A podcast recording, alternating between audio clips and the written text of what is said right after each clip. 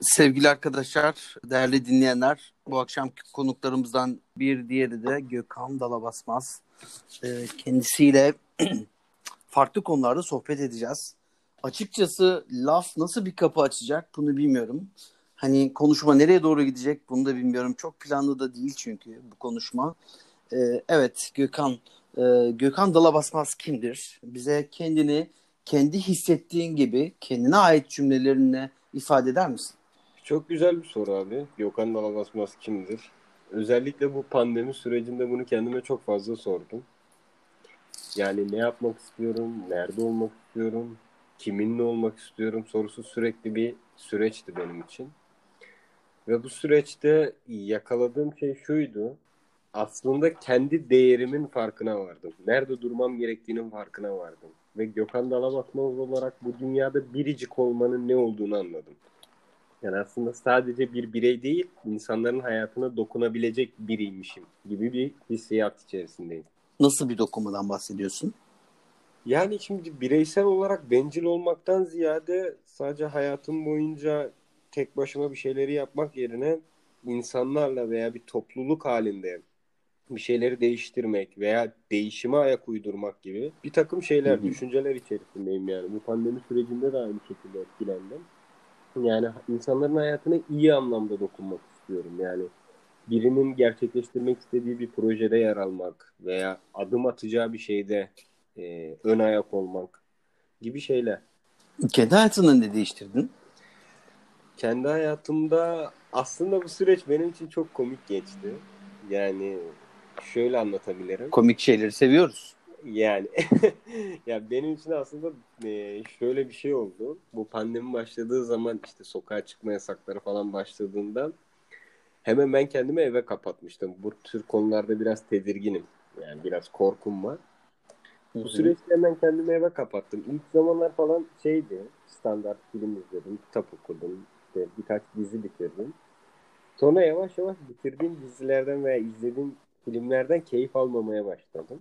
Bu sefer daha farklı, daha farklı, daha farklı neler yapabilirim diye düşündüm. Kendime ufak çaplı falan hobiler edindim. Örneğin kaşıkların falan arkasını boyadım. Ondan sonra tabii yüzler falan çizdim, smile'ler falan çizdim.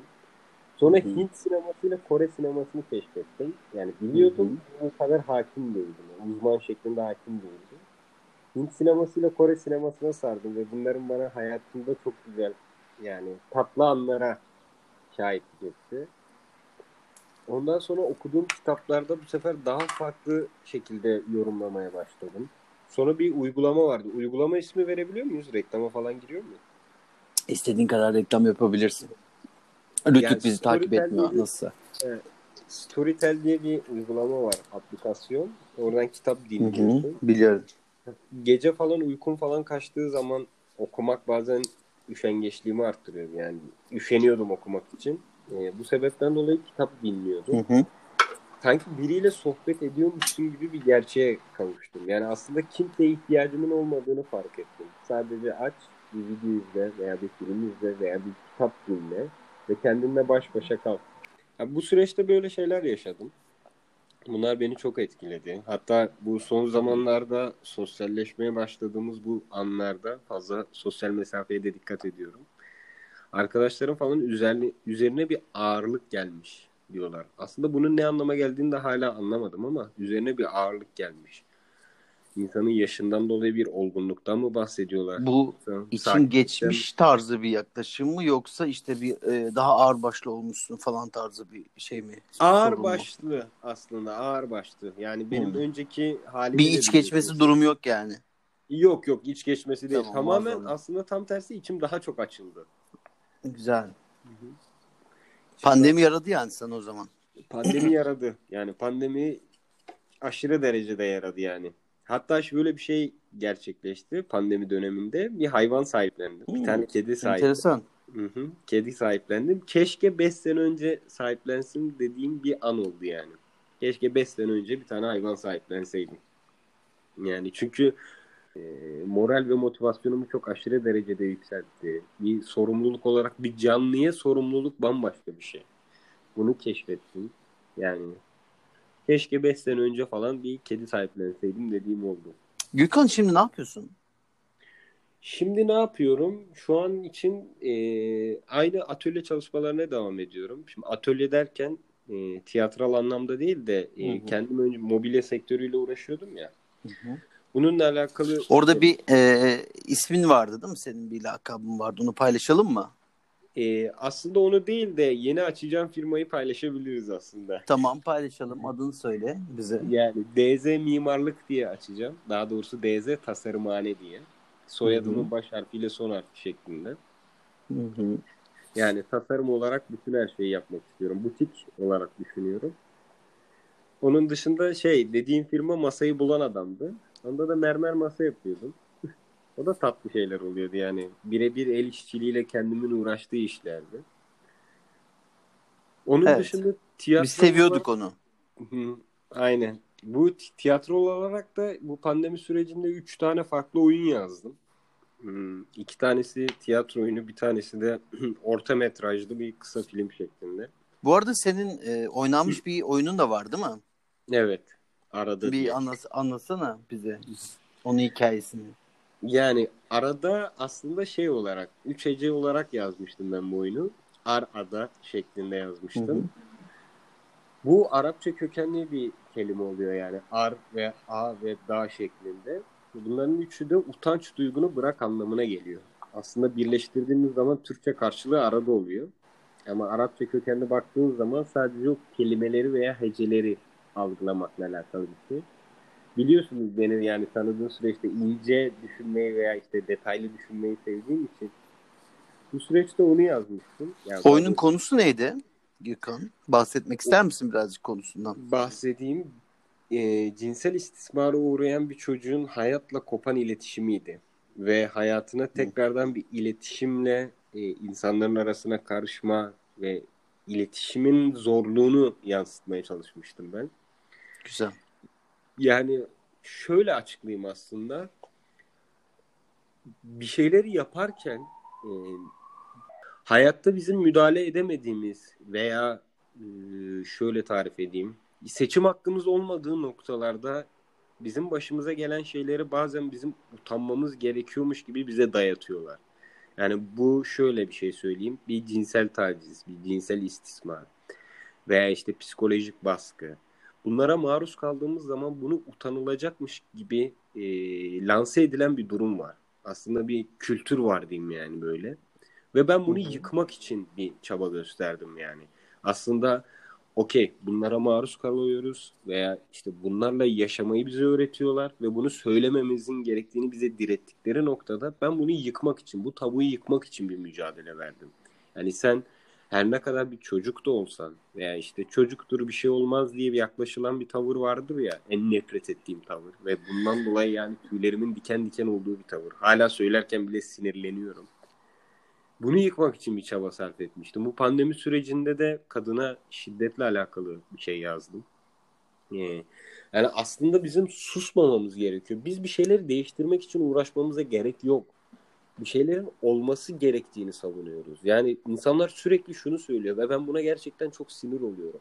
İşte kadına şiddet var ve bunun için bir kampanya yapalım veya başka bir şey yapalım. İşte bu kadına şiddeti değiştirelim. İnsanlar değişsin, insanlar daha duyarlı olsun.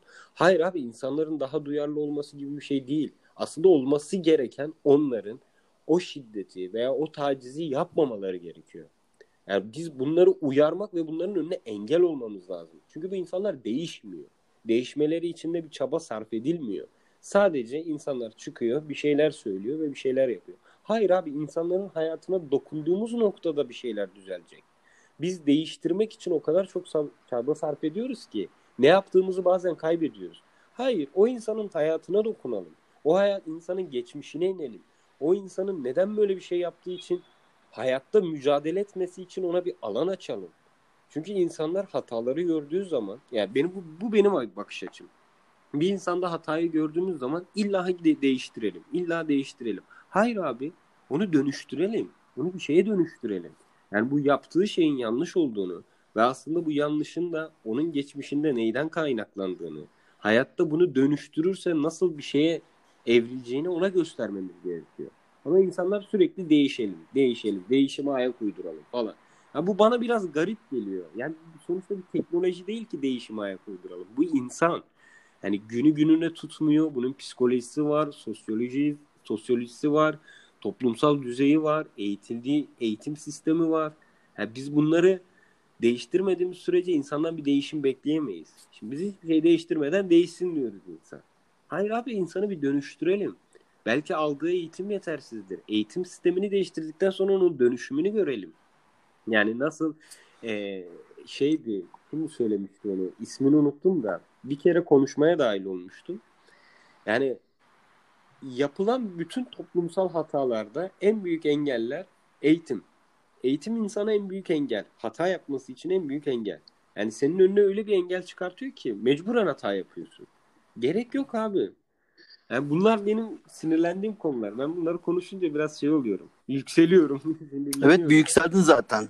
Yani... Peki sen bu konuda e, halka bunu anlatmayı, bunu e, gösterme ve bunu yaşatma için tiyatroyu e, bir e, doğru bir araç olarak görüyorsun. Evet abi. Tiyatroyu doğru bir araç. Tiyatro yazıyorsun değil mi en nihayetinde? Evet. Evet. Tiyatro oyunu yazıyorum ya. Çünkü şöyle bir gerçek var. Neden tiyatroyu seçtin? Yani neden bir kitap yazıp bunu yayınlamadın ya da bir film çekip e, bunu e, göstermedin? Kısa film vesaire dizi olabilir. Neden tiyatroyu seçtin? Neden tiyatro? Şöyle bir şey söyleyeyim abi. Tiyatro seyircisi kaçmayan bir seyirci. Hmm. Kitap okuyucusu sıkılıp bırakabiliyor kitabı veya sinema izleyicisi işte patlamış mısırını alıp sinemaya geldikten sonra kız arkadaşı, erkek arkadaşı veya arkadaş grubunda filmden sıkılıp çıkabiliyorlar. Yani veya sonra izlerim deyip o anki ruh halini bırakabiliyorlar. Ama tiyatro seyircisi öyle değil abi. Tiyatro seyircisiyle birebir kontak kurduğun bir alan oluyor. Göz göze, göz teması kurduğun bir an oluyor. Eğer gerçekten bu hisleri savunur ve doğru bir şekilde söylersen zaten onun kalbine dokunabiliyorsun.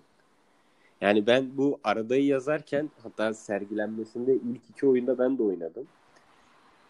Ve benim oynadığım süre zarfında her kontak kurduğum ve her göz göze geldiğim seyircide insanların bir duygusuna dokunduğunu hissedebiliyordum. Yani şimdi dışarıdan bir göz gibi söylüyorum bunu ama insanların göz bebeklerinin büyüdüğünü, küçüldüğünü, heyecanlandığını veya işte üzüldüğünü, mutlu olduğunu görebiliyordum. Yani bunu sinema seyircisinde veya işte bir kitap okuyucusunda göremiyorum. Onun için ben tiyatroyu seçiyorum. Hiç yoktan iyiyse oraya gelen ben şunu en çok savunduğum şeylerden biri şudur. Binlerce seyircim olsun değil. Abi bir tane seyircim olsun veya birkaç tane seyircim olsun. Ben onlarla o tiyatro sahnesinde sohbet edebiliyorsam duygusal olarak bu demek ki doğru bir şey yaptığımın anlamına geliyor. Çünkü iyi de olan olacak, eleştiren de olacak, e, övgü veren de olacak. Ama en nihayetinde şunu karşılıyor olacak. Okey ben bu oyunu izlemeye geldim ve sahnedeki kişiyle bir enerjim veya duygusallığım başladı. İyi de olsa kötü de olsa. Çünkü kaçamıyor. Onu ona maruz bırakıyorum. Maruz bıraktığım noktada beni eleştirebilir, beni kötüleyebilir, beni övebilir. Ama aramda bir şey oluyor. Şimdi sinema seyircisiyle kitap okuyucusu arasında bu ilişkiyi yakalayamıyorum bir türlü. Başka bir soru soracağım. Tabii. Ee, uygunsa söyleyecek olduğun bir şey var mıydı? Kes, kesmiş gibi olmak istemiyorum ama. Ya şey cümlesi vardı. E, onu söyle kitap, onu. Kitap okuduğum zaman falan ben çok etkilendiğim kitapların yazarlarına yazarım. Mail atarım. E, onlarla kısa sohbetlerim falan oluyor. Eğer kitap okuyucuları varsa aramızda ki vardır umuyorum. E, yazarlarına mail yazsınlar yazarlarıyla tartışsınlar veya yazarlarıyla aynı fikirdeler mi onu bir şey yapsınlar. Bunun diyaloğuna girsinler. Yani söyleyeceğim buydu. Okey. Şimdi sor- soruma geliyorum. Tabii. Ee, bu pandemi döneminde çok değiştiğini ve dönüştüğünü söyledin. Ee, Birçok yeni çalışmalar yaptığını söyledin ve işte yeni bir insan olduğunu söyledin. Ee, Gökhan Dala Basmaz önümüzdeki bir sene içinde neyi başarmış olacak? Gökhan Dala Basmaz önümüzdeki bir sene içerisinde neyi başarmış olacak? Çok güzel bir soru. Ee, bu planlamayı aslında yaptım. Ee, eğer pandemi süreci yavaş yavaş normalleşmeye başlarsa, yani hayatımızdan bu kötü süreç uzaklaşırsa Ya ben Bir tane şöyle bir sen- varsayımda bulunabilirim hemen. E, bence sen de bu varsayımda bulun. E, muhtemelen 2021'in e, yaz aylarına kadar bu süreç böyle devam edecek. Hatta ağırlaşabilir. O yüzden e, buna rağmen e, neyi başarmış olacaksına odaklansan daha doğru olabilir belki. Şöyle söyleyeyim. Buna rağmen e, iki tane çekmek istediğim kısa film var. Onları çekeceğim. Ve kesinlikle halka arz edeceğim. Herkesin izlemesi için. E, ve bir tane de tiyatro oyunu var. Onu yapmak istiyorum. Bu Yani bir bu- sene içinde yap- yapacak mısın bunları? Evet. Bir sene içerisinde bu üçünü de gerçekleştirmek istiyorum. Şu an bize söz veriyorsun Gökhan. Evet. Evet. Şu an size söz veriyorum. Tamam. Yani önümüzdeki bir sene içinde seninle ilgili bu yapmış olduğun projelerle ilgili yeni bir podcast buraya koyamazsak e, başarısız olmuş olacaksın. Bunu kabul ediyor musun? Evet. Bunu kabul ediyorum ve aynen diyorum. Güzel. E, Umarım bu durum e, sana motive eder, motiva- motivasyon olur, seni motive eder ve e, bize senin o başarılarını e, tekrardan yeni bir podcastle konuşma şansı yakalarız Gökhan Dalabasmaz. Ben vakit ayırdığın için çok teşekkür ediyorum. Ben teşekkür ederim. Ee, Umarım bir sonrakinde daha güzel konularla karşılaşır ve onlarla onlar üstüne konuşuruz. Sevgili dinleyenler, Laf Kapı açtı da bu akşam e, Gökhan Dalabasmaz e, misafirimizdi. Kendisine çok teşekkür ediyoruz ve bize vermiş olduğu sözleri e, harfiyen yerine getirip tutup e, o başarılarını bize anlatmasını bekliyoruz. Tekrardan bunu iletmiş olalım. E, iyi akşamlar, sevgiyle kalın, güzel kalın.